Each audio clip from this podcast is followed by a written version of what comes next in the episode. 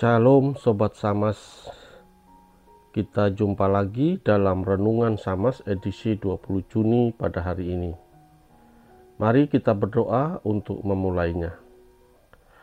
Bapa Surgawi yang penuh kasih dan setia atas kami ciptaanmu Kami bersyukur untuk keberadaan kami sampai saat ini Tolong kami yang sebentar lagi akan membaca dan merenungkan firman-Mu sebagai penuntun dalam hidup kami. Dalam nama Tuhan Yesus kami berdoa. Amin.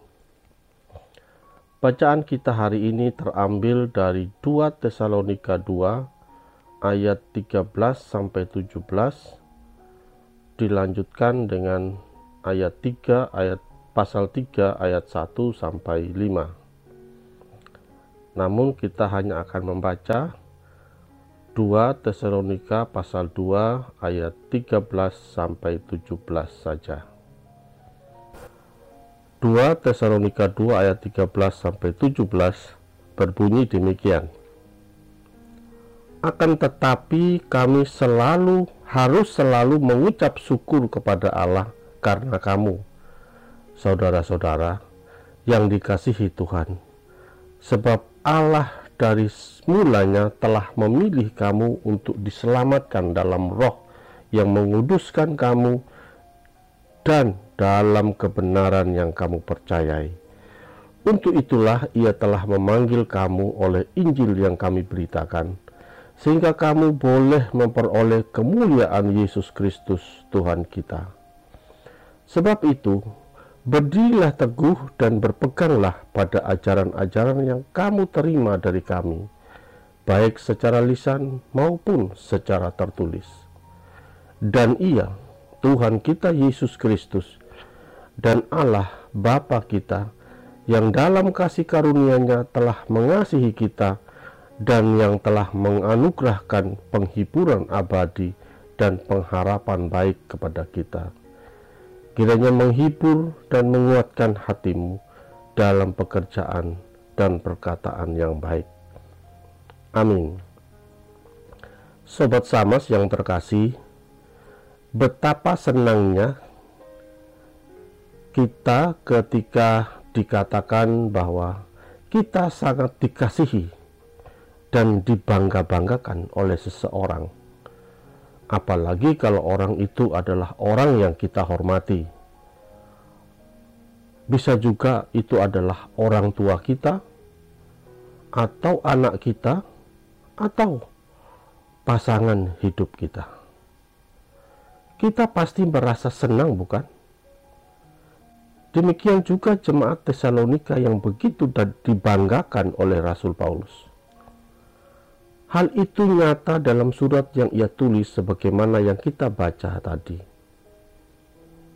Sebuah surat yang ditulis dengan sasaran, isi, dan tujuan yang penting dan jelas. Mari kita lihat apa saja isi surat Rasul Paulus ini. Pertama, Rasul Paulus bersyukur atas keberadaan jemaat Tesalonika yang tetap setia dalam berbagai penyesatan yang terjadi pada saat itu. Ia memuji mereka karena keberadaan mereka sangat membanggakan Rasul Paulus dan tentunya kemuliaan Tuhan dinyatakan. Seberapa besar syukur kita terhadap keberadaan jemaat GKI Damai. Kedua, Rasul Paulus mengingatkan bahwa jemaat Tesalonika dipilih untuk diselamatkan dan dimuliakan oleh Tuhan, bukan untuk dibinasakan. Sehingga dalam suasana apa pun, mereka harus tetap teguh dan kokoh dalam iman dan kebenaran yang mereka terima. Sudahkah jemaat GKI Damai benar-benar percaya dan yakin bahwa apa pun yang terjadi Tuhan pasti akan menolong dengan caranya yang ajaib. Ketiga, Rasul Paulus menyampaikan tentang pentingnya ajaran yang benar dalam kehidupan jemaat Tesalonika agar mereka tetap teguh dalam menghadapi berbagai cobaan kehidupan. Ajaran kebenaran itulah yang akan menjadi pegangan dan panduan yang jelas agar tidak mudah disesatkan. Sudahkah jemaat GKI Damai menjadikan firman Tuhan sebagai pegangan satu-satunya dalam menghadapi berbagai tantangan hidup atau masih ada pegangan yang lain? Terakhir, Rasul Paulus mengingatkan agar antara dirinya dan jemaat Tesalonika harus saling mendoakan. Jemaat mendoakan dan mendukung pelayanan Paulus. Demikian sebaliknya, Rasul Paulus selalu mendoakan keberadaan jemaat Tesalonika yang begitu ia banggakan. Sudahkah kita saling mendoakan dalam pelayanan kita di GKI Damai? Baik terhadap hamba Tuhan, pelayan, dan jemaat. Mari kita berkaca dari nasihat Rasul Paulus ini.